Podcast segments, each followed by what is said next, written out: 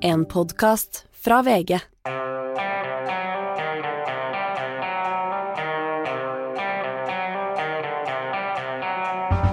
Ikke visste jeg at alle disse dagene som kom og gikk, de var selve uke ti.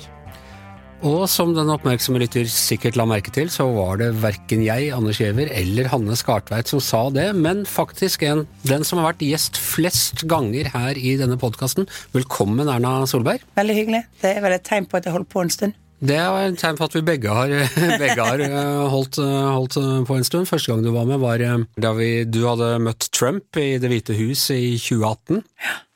Det var en minneverdig dag. Etter at han møtte deg, så gikk han rett ut og sa at han ville ha flere innvandrere fra Norge og færre fra sånne shithole countries. Ja, det var nesten litt pinlig, vet du, for jeg var på, på et internasjonalt møte i Davos uh, uken etterpå, og da var det det alle TV-stasjonene hadde lyst til å intervjue meg om. Ja. Ja.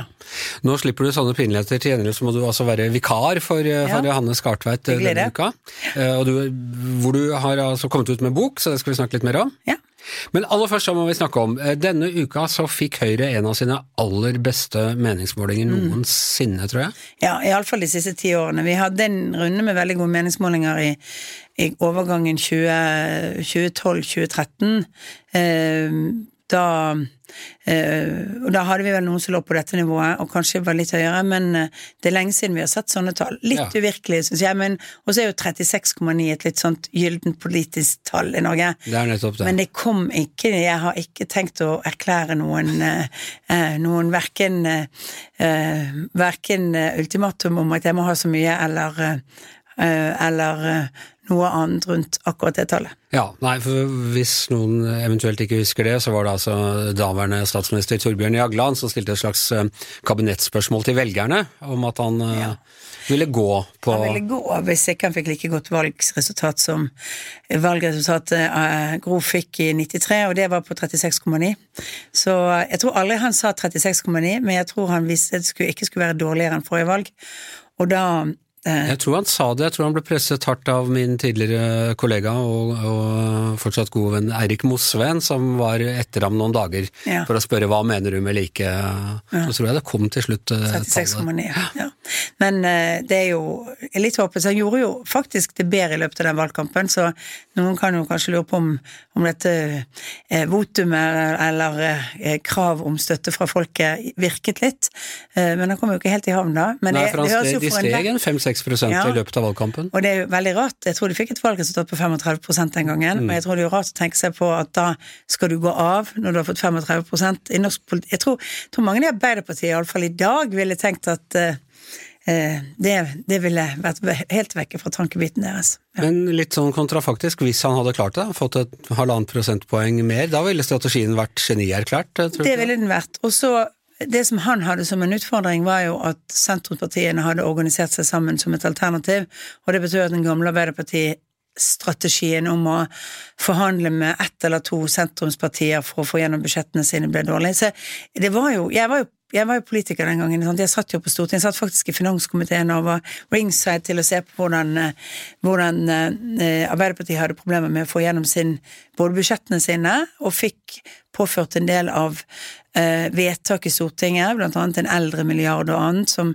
som Jagland var veldig rystet over at, eh, at man får den typen vedtak som koster mye penger.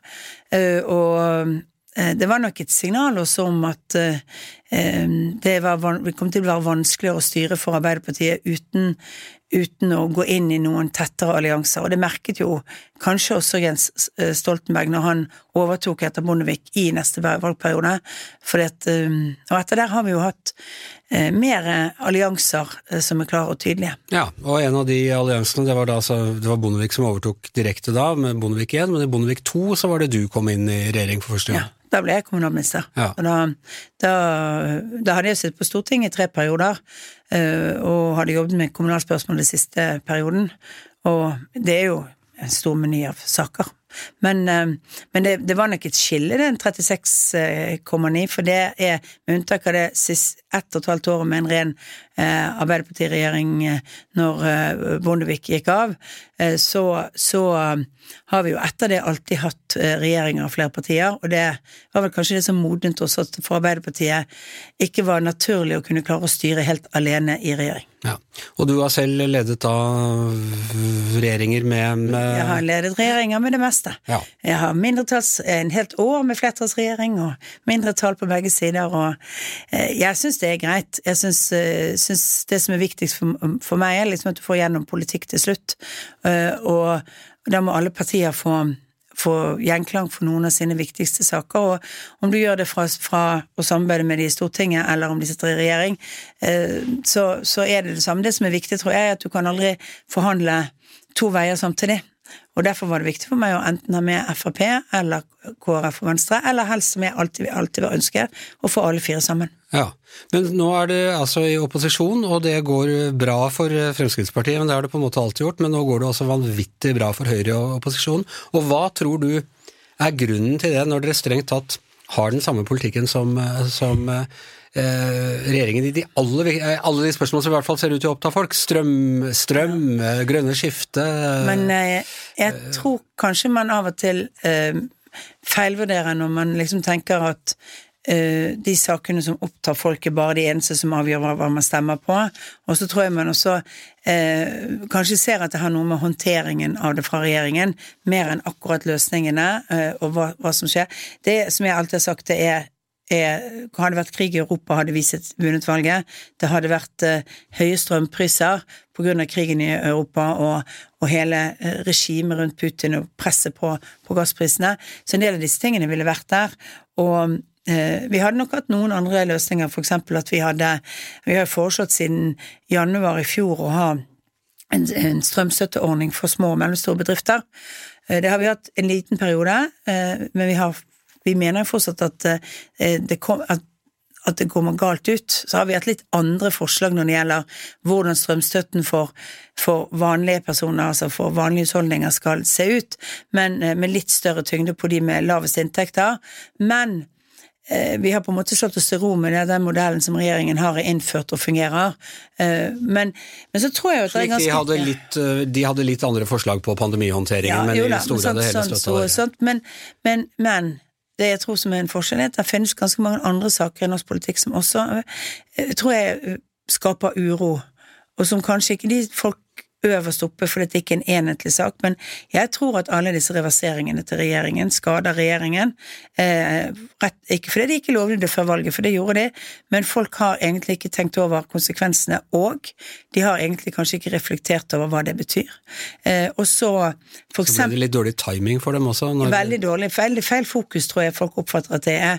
Men når du eksempel i en situasjon med økende helsekøer legger ned bevisst fordi du skal fjerne en ordning vi innførte med fritt, fritt sykehusvalg i Norge, og fritt uh, behandlingsvalg, så skal du legge ned en rekke private plasser. Senest i går så hadde vi jo en runde i Stortinget om at når Modum Bad må nå uh, reversere uh, og ta ned antallet plasser på bakgrunn av disse endringene, så ryker også mye av det som har vært den beste tilbudet til veteraner i Norge. Sant? For det, det er gjort, og det gjøres veldig raskt, skaper mye uro. Vi ser at lærerspesialistene i skolene, som var de som skulle alle skoler skulle ha lærerspesialister som var spesielt trent på å kunne, kunne hjelpe med å, å brekke lese- og skrivekoden og følge opp tidlig. Det, det, det, har de tatt vekk et budsjettforlik med, med, med, med, SV. Jeg tror jo faktisk at sånne ting på veien bidrar også til at du får mye uro på områder hvor det allerede oppleves som, som, verden er urolig rundt oss, og så blir det mye uro fra regjeringen òg, og det skaper ikke nødvendigvis eh, så stor forståelse. Men betyr det at du og dine vil reversere disse reverseringene når dere, hvis dere får makten igjen? Altså Jeg har jo sagt at vi kan jo ikke holde på altså Vi kan ikke, vi kan ikke plage livet av alle disse fylkesbyråkratene på, på, den måten at vi skal sette i gang med en ny fylkessammenslåing på nytt igjen. Det det er å kaste vekk penger. Så, så viktig er ikke de reformene til at vi skal bruke eh, at vi skal stoppe, for det stopper jo en del annet utviklingsarbeid når du holder på med masse sånne flytting, flyttinger og annet. Så jeg har vel bare, egentlig bare annonsert en hovedreversering av disse strukturtingene, og det de har gjort på, på innleie nå. Og det, eh, fordi at nå kom det akkurat en arbeidstilsynsrapport som faktisk sa at eh, situasjonen med grove brudd på innleie var det veldig lite av lenger. De endringene som vi gjorde i regjering i 2019, hadde bidratt til at det var mye mer ryddige forhold. Og når du da gjør det mye vanskeligere for en del bedrifter å skaffe seg den fleksibiliteten de trenger, eh, så, så, eh, så blir det feil i en verden som mangler arbeidskraft. Så, Men de fylkene som er uh, delt opp igjen, de vil få, ja, få det blir bli ikke delt stå øverst på vår liste å begynne å gjøre på nytt igjen de tingene der. Eller begynne sammenslåinger av, av de kommunene som eh, Ja, det er jo kanskje én kommune som blir oppløst, da.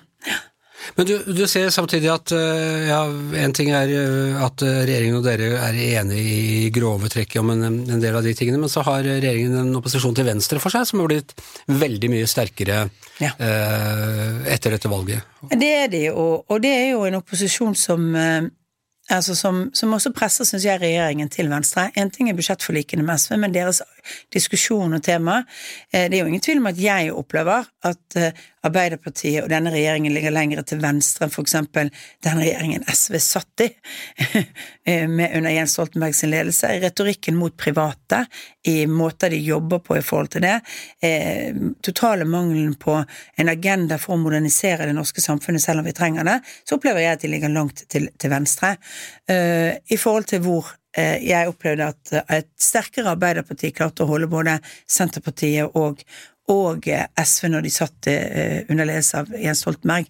Og, og det er nok også fordi det er en enda sterkere press med et sterkere Rødt, og at SV står utenfor regjeringen, og som jo fører den retorikken som Arbeiderpartiet, og til dels noen ganger Senterpartiet, brukte i opposisjon, ut i praktiske forslag, som da skal for eksempel forby omtrent eller private i en rekke områder, eller sørge for å skattlegge betydelig mer eh, kapitalen i Norge, som igjen betyr eh, ja, det vi ser av både utflyttinger og eh, og som bruker en del ord og begreper, som jeg skriver om i den boken jeg har skrevet også, sånn, som bruker en del ord og begreper om de som har bygget arbeidsplasser, de som har investert i de, de som bidrar til, og som vi trenger for videre Nå har de utvikling. forandra den retorikken litt nå? Ja, nå har de jo, de, jeg tror de har skjønt, jeg tror kanskje de eh, opplevde, og særlig etter høstens språk, det er ganske mange altså Hvis jeg møter folk fra næringslivet, så, så, så er det én ting at de blir, får oppleve urolighet rundt skatt og alt mulig sånt, men de opplever også liksom å bli sett på som skurken i historien om Norge. Og det, eh, det tror jeg ingen av oss er tjent med, selv ikke folk på venstresiden, at de opplever at det er bildet, at det, når du satser, har ideer, skaper arbeidsplasser, så, så blir du det. Og jeg registrerer jo at Arbeiderpartiet kanskje skjønte at den debatten har gått for langt. Samtidig så kan det virke litt provoserende på vanlige folk, som det jo er mye snakk om eh, for tiden, at eh, noen av de rikeste i landet flagger ut eh, selskapene sine til Sveits. Folk som er blitt steinrike på barnehager, eksempel. Ja da, og så skal vi ikke glemme at noen av disse driver jo også masse annen næringsvirksomhet i andre land også. Eksempel noen av de barnehagekonsernene vi har driver faktisk med norsk barnehagemodell i andre land. Det er en eksportartikkel for Norge. De har inntekter fra andre land. Men jeg syns også at det er leit at de flytter, men jeg syns faktisk det er leiest for de lokalsamfunnene som mister eh, de gründerne som har vært med. For jeg vet veldig mye fra Vestlandet hvordan dette fungerer. Det er at en, en person som tjener ganske godt, om det er på fisk, eller om det er på, på, eh, på båt, eller, eh, eller på barnehager for den saks skyld, så setter de ganske stort preg på å bidra mye til lokalsamfunnet sitt. Og om det er idrettslaget, om det er, eh, om det er eh, for eksempel nye oppstartede bedrifter som vil starte noe, det å ha tilstedeværende lokal kapital er viktig. Og det er dumt å lage et system som bidrar til at eh, mange, mange av de som kan bidra til å løfte lokalsamfunn rundt omkring i Norge, ser seg nødt til å flytte.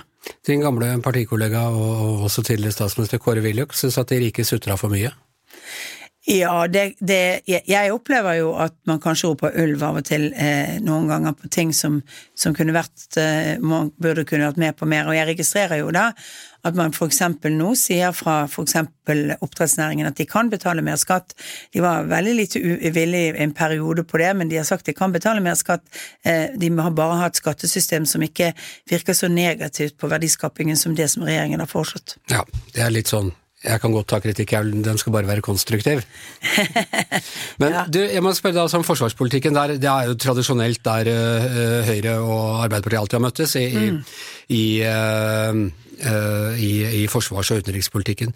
Men er det noe du tror dere ville ha gjort annerledes nå, i den, slik den situasjonen er? Ja, vi har jo foreslått mer penger til både kapasitet på ammunisjonsproduksjon og mer altså, Hvis du ser på én ting, vi brukte omtrent en milliard mer på Forsvaret i vårt alternative budsjett, eh, og da var det veldig mye som ble på våpenproduksjon, og det skyldes jo at vi har en av fire store eh, ammunisjonsprodusenter i Europa. Og med krigen i Ukraina så trenger vi mer kapasitet. Og de trenger egentlig både kapital til innskudd og annet for å kunne bygge ut mer. Så har regjeringen etterpå kommet med en avtale, men vi er litt usikre på om den avtalen fungerer godt nok til å løfte det vi trenger på produksjon. Så på lang sikt så trenger vi å gå igjennom nå. Hva trenger vi mer? Hva lærer Ukraina-krigen oss? For vi er enige at det er fint med en kommisjon, og at det er fint med en, en langtidsplan neste år, som vi kan se på hvordan vi skal eh, Om det er justeringer som bør gjøres i vår langtidsplan. Men, men det gis noen signaler som jeg syns var negative. For eksempel har de foreslått at eh, i mandatet til denne kommisjonen at de også skal se på alternativer som er lavere enn pengebruk enn det som ligger i dagens Altså det, det, det forslaget vi hadde til langtidsplan. Det tror jeg ikke er realistisk. Jeg tror vi kommer til å se på ting som må faktisk ha et enda høyere tempo, selv om det er krevende å fase inn nesten reelt to milliarder mer hvert eneste år som lå i den forrige planen. Men er du redd for altså Hvor tenker du grensen for eskalering går? I begynnelsen så skulle vi så var det omtrent bare mat og tepper, og så blir det litt våpen, defensive våpen, og så blir det litt mer offensive våpen, og så er det snakk om uh, luftrom og fly, og hvor går grensen for hvor mye vi og Nato kan blande oss uten at vi kan si at det er vi som er i krig med Jeg tror vi kan gi veldig mye våpen, og nesten alle våpensystemer, uten at vi er en del av den krigen. Det er når vi har soldater som aktivt driver, vi er med i den krigen, ikke? Og det har vi ingen planer om å gjøre, og det er også grensen. Vi, og vi kommer til å trenge vi kommer til å trenge mye, for det, dette er på vei til å kunne bli en skyttergravskrig. Dette er på vei til å bli Ja, ja det er blitt allerede nå, men det, men det kommer til å kunne sitte der lenge. Og det er jo ekstremt viktig, tror jeg, for alle oss og for verdensutviklingen fremover at Ukraina faktisk vinner. For hvis ikke så tror jeg at eh, det kommer til å skape mye uro i mange av nabolandene, og jeg tror Russland må, Russland må nå lære at denne um, kolonialistiske ekspansjonstrangen som de har gitt uttrykk for de siste årene overfor tidligere deler av Sovjetunionen, den er ikke akseptabelt. Hvert land har helt grunnleggende rett til å kunne være innenfor de grensene som selv Russland har undertegnet at de aksepterer. Sant? Russland har ikke undertegnet at de aksepterer veldig mange andre grenser til nabolandene sine og har tvister med mange land, men Ukrainas hadde de faktisk sagt ja, og at de var en garantist for freden. Uh, innebærer en sånn fredsløsning at man, Ukraina får tilbake Krim?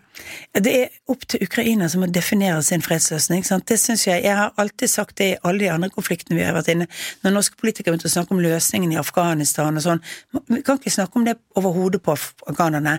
Det er faktisk Afghanistan. Og vi så det gikk egentlig litt dårlig når, når Trump bestemte seg for at nå setter vi en dato for når vi skal trekke oss ut. Da stoppet jo alt forhandlinger mellom de ulike afghanske fraksjonene og regjeringen, rett og slett for da trengte jo ikke Taliban å gi noe som helst. Ja. Og vi så hvor dårlig det ble. Så Derfor så er det viktig eh, Det er Ukraina som må være definereren av hva dette er, om det er Krim eller ikke Krim. Det er i så fall et ukrainsk valg. Hvor... Vi må stå ved det også. Um... hvor lenge kan denne krigen vare, tror du? Eh, vet at den kan vare lenge. Det er litt avhengig av hvor kraftfullt eh, Ukraina kommer til å klare å slå tilbake nå. Alle forventer jo nå at det kommer en ukrainsk motoffensiv. Russerne har jo begynt på en etter at de har begynt å få disse utskrevne eh, ferske soldatene inn, i, eh, inn mot fronten. Så det kan bli blodig. Du skriver i boka di at du frykter en storkrig i Asia, og at den vil kunne ramme Norge og nordmenn mye hardere enn det Ukraina-krigen gjør? Ja, fordi at vi er så mye mer økonomisk integrert med, med, med altså Varestrømmene i verden er så mye sterkere knyttet til Kina.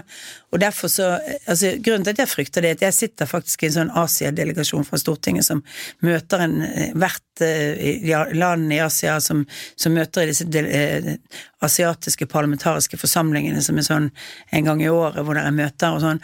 Og du hører jo på den uroen de har om sikkerhetssituasjonen når du er i de landene. Det toppet seg jo litt, jeg skriver jo med boken og sånt, altså når Nancy Pelosi var på Taiwan, sant, så så du og, og, og, land som opplever liksom at Kina tar litt mer av disse øyene, bygger litt mer ut i områder som er omstridt og sånn. Eh, og så må vi være klar over at en sånn stor krig har veldig store konsekvenser, både for verdensøkonomien og for oss på leveranser, og det må vi forberede oss på. Det er en grunn for å tenke at vi må på viktige kjerneområder klare å være mer uavhengige. Det er, det er også et signal om f.eks. at vi bør tenke på eh, hvis Kina, som jo har det største grepet på de mest, eh, de, de mest sjeldne mineralene og sånn, som vi også trenger fremover, at da må vi tenke på at vi skal kunne utnytte ressurser vi har i vårt land, at vi kan, eh, at gruvedrift må være mulig, eh, sant? den typen spørsmål, for dette dreier seg også om sikkerhetspolitikk. Mye av dette må vi løse i et samarbeid med Europa, i, for vi kan ikke drive med alt selv. Men det betyr at vi må tenke sammen med andre land på hvordan avhengighetsforholdene våre er, og hva vi kommer alle til å bli uavhengige, vi kommer til å fortsette masse økonomi, og det tror jeg er viktig også for at det ikke blir krig i Asia. For det, det at Kina har økonomisk utvikling, kommer til å være en, eh, viktig for å forhindre at eh, tilbakegang og stagnasjon gjør at eh, kinesiske ledere føler at makten deres er trues hvis de ikke at de begynner å spille på nasjonalismen enda mer.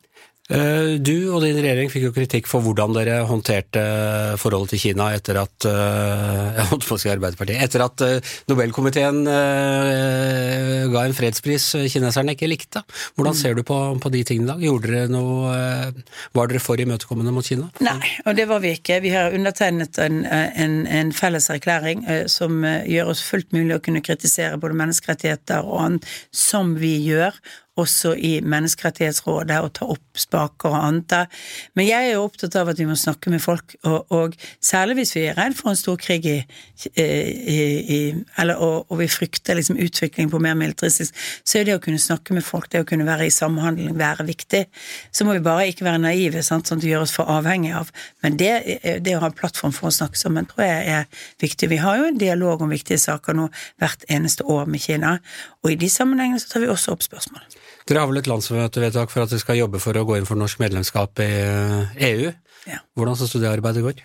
Eh, det går litt dårlig, og det er en krevende sak, men jeg tror jo at det er en, det er en gryende økning i støtten til et EU-medlemskap, men det er også en ganske stor og vanskelig sak å løfte i Norge eh, før du får liksom en litt mer Altså litt mer sånn dynamikk hvor folk føler at et medlemskap vil gi noe mer enn det som er mitt grunnlag, at vi er en del av Europa og det europeiske fellesskapet, vi skal være med og dra Altså, jeg har et følelsesmessig forhold til dette, vi skal være med og dra det lasset, men det er jo sånn når jeg snakker om at vi må gjøre oss mer uavhengig av, av sånn i forsyningslinjer og annet fra, fra enkeltland, sånn som Kina, så er det jo viktig å si at en av måtene vi blir mer uavhengige, det er jo faktisk å være tettere på EU i den sammenhengen. Nå ser du venstresiden i Norge, de, nå, de er nå, blir nå tilhengere av Nato, store deler av dem, og de går inn for å få både Sverige og Finland inn i Nato før de vil ha Norge inn i EU, så det ser ut som det er langt lerret å bleke.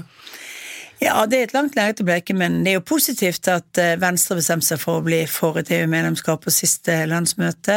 MDG snakker jo positivt om, om ikke minst hva, hva, EU gjør på klima- og miljøområdene som en styrket kraft og den typen ting, så det er nok noen bevegelser uh, for uh, i riktig retning også på det.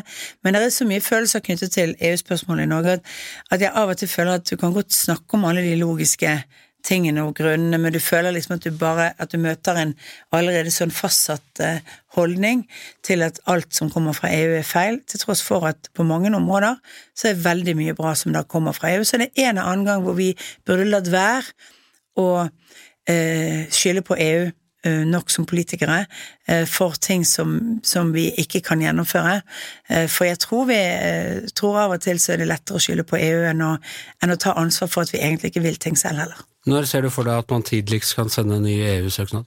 Jeg har ikke noe tidsramme på det, men jeg merker meg jo at veldig mange av de som er under 40 år, og som aldri har lov, fått lov å, å være deltaker i en avstemning, begynner å kreve at dette spørsmålet tas opp igjen på nytt, fordi de ønsker å å få sagt sitt. Og det minner meg liksom kanskje klart fordi jeg nettopp har vært på møte med masse ukrainere og annet, at det var ungdommen som bestemte, både i Ukraina og Georgia på et tidspunkt, at de skulle være vestlig vendt og ikke østlig vendt, og At de ønsket et medlemskap å gå den veien. Så den kraften som ligger i ungdom, tror jeg er veldig bra. Ja. Eh, vi må snakke litt om amerikansk politikk òg. Snakket jo om Trump, og jeg vet at du har personlig vært veldig interessert i amerikansk politikk. og Jeg traff deg en gang på, på det landsmøtet til Demokratene som nominerte Obama. Mm. Og da var du vel og, og så John McCain bli nominert uh, uka etter. Ja, og, og, så sitter du, har du sittet i styret for Den internasjonale demokratiske union, hvor altså det republikanske partiet er medlem. Hvordan føler du det går med det søsterpartiet ditt der? Dårlig, eh, og det har jeg også sagt til dem. Altså, de, de, de, er jo Det er jo veldig stor sprikk, sant. Eh, det er jo noen litt for få klassiske, egentlig gamle eh, frimarkedstenkere og eh, opptatt av europeisk alliansetilknytning og sånn, men det er jo en utvikling i, i Det demokratiske partiet som jeg syns er litt bekymringsfull på en del områder. Eh, særlig eh, Og det er denne polariseringen som skjer. Så hver gang jeg er i tett kontakt med amerikanske politikere, så sier de jo men vi finner frem til mye mer bipartisanism, som de sier, og felles forslag og sånt, enn det dere ser og annet. Dere ser liksom bare de store sakene, og de forsøker liksom å si at det er det, at vi får til ting, men det er klart um, den polariseringen som er i amerikansk politikk, den er jo farlig. Og den går jo inn i Kongressen ja. hvor de bare konsekvent stemmer mot hverandres forslag. Ja, ja da, og på noen områder så har de felles forslag og får ting til og sånt, men det er jo kanskje på de veldig lette sakene, de tunge, store sakene. Eh, og så syns jeg jo at det, det, som Altså, det som topper for meg, er jo, er jo selvfølgelig 6. Eh, januarstormingen av Kongressen. Altså, USA var, eh, var liksom fyrtårnet for demokrati og rettigheter og annet som, som, som nå er blitt til eh, med, med, mange flere sånne bekymringsfulle trekk i måten politikken fungerer på. Ja, det At verdens mektigste stat fredelig eh, overførte makt til hverandre etter Det er jo, det er jo egentlig kronbiten på et demokrati. Det er at du, at du gir fra deg makten når du har tapt et valg, og at du aksepterer nederlaget, og at verden går videre. Eh, så, så, så, det er bekymringsfullt når man kommer, og nå har vi liksom to guvernører som ikke har akseptert sine nederlag, selv om de ikke har den samme kraften til å lage noen protester rundt det, men så jo hvor lang tid det tok. Og så er jo jeg redd for eh, også at det som skjer i USA, gjør jo at USA på verdensbasis blir svakere i møte med andre autoritære systemer. For det er bekymringsfullt også. For hvis vi skal ta opp spørsmål om menneskerettigheter, ta opp spørsmål om, om eh, hvordan man håndterer ting i andre land, så må man også ha gjort hjemleksen hjemme. Tror du du skal på republikanernes landsmøte til neste år?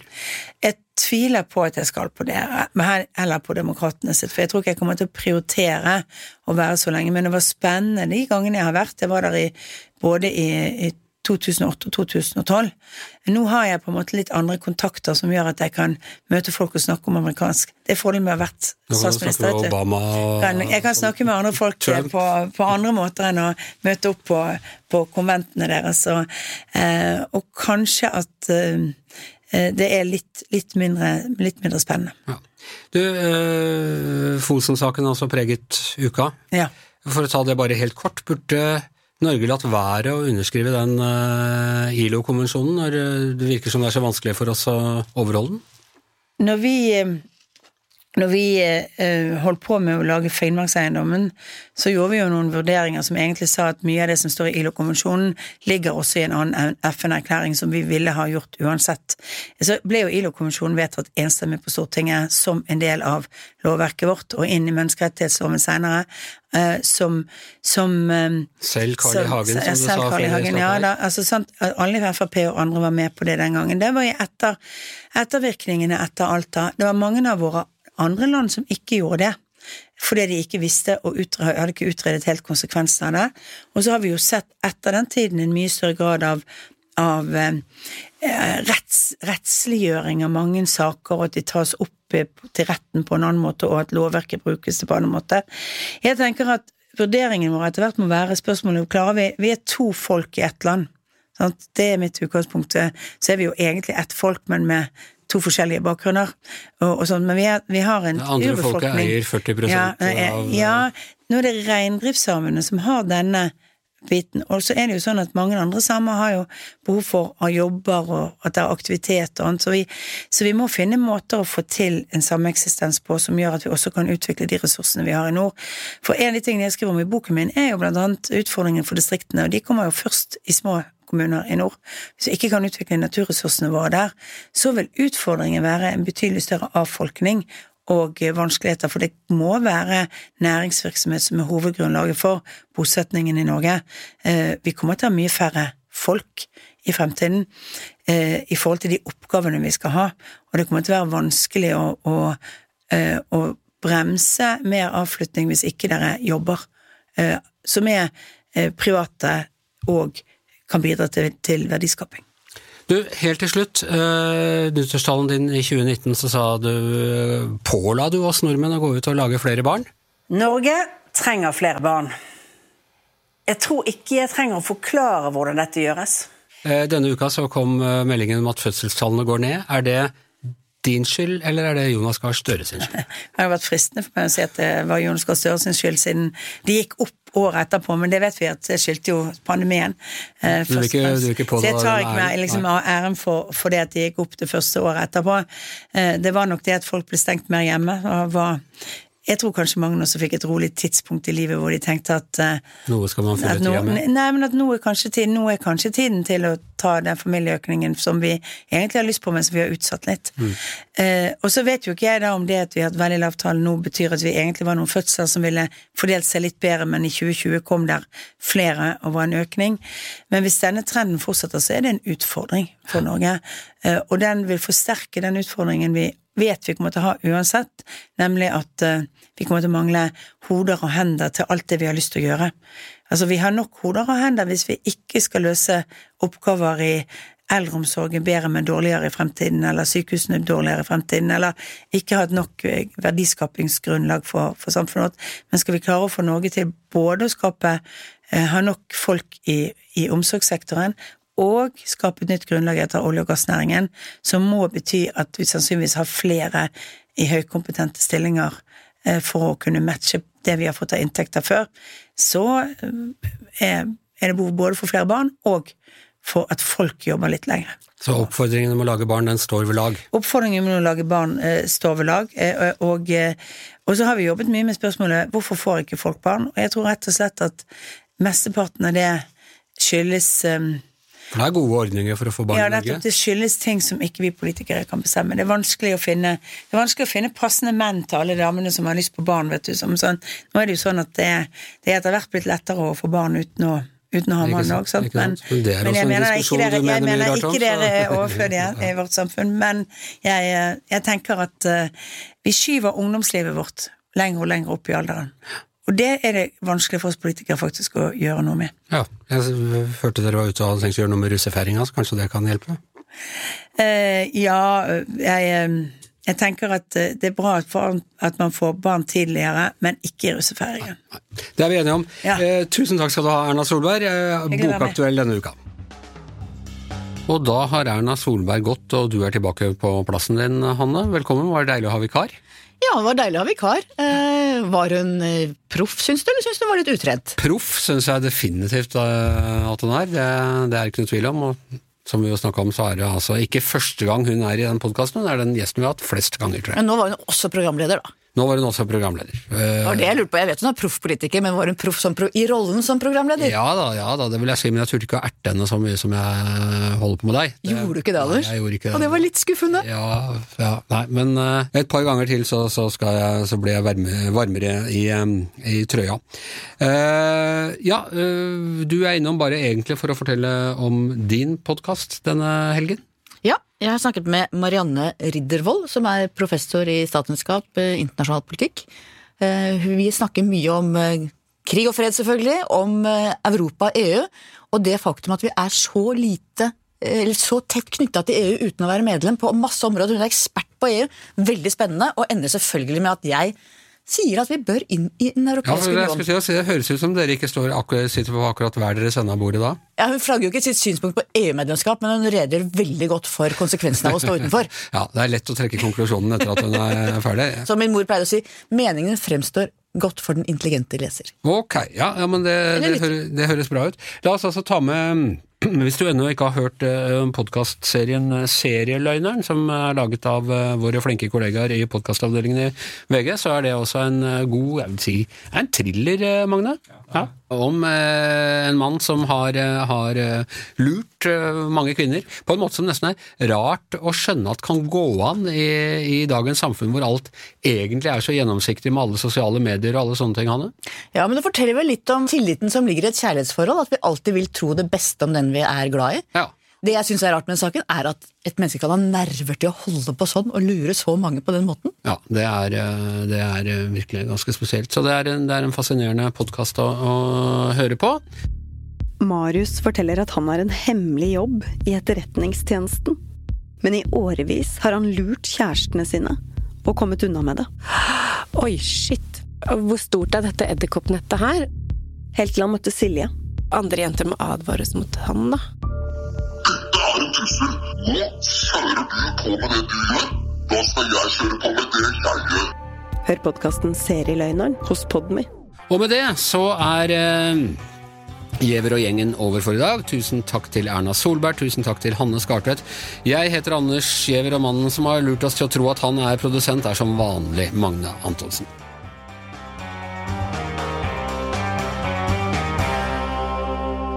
Du har hørt en podkast fra VG.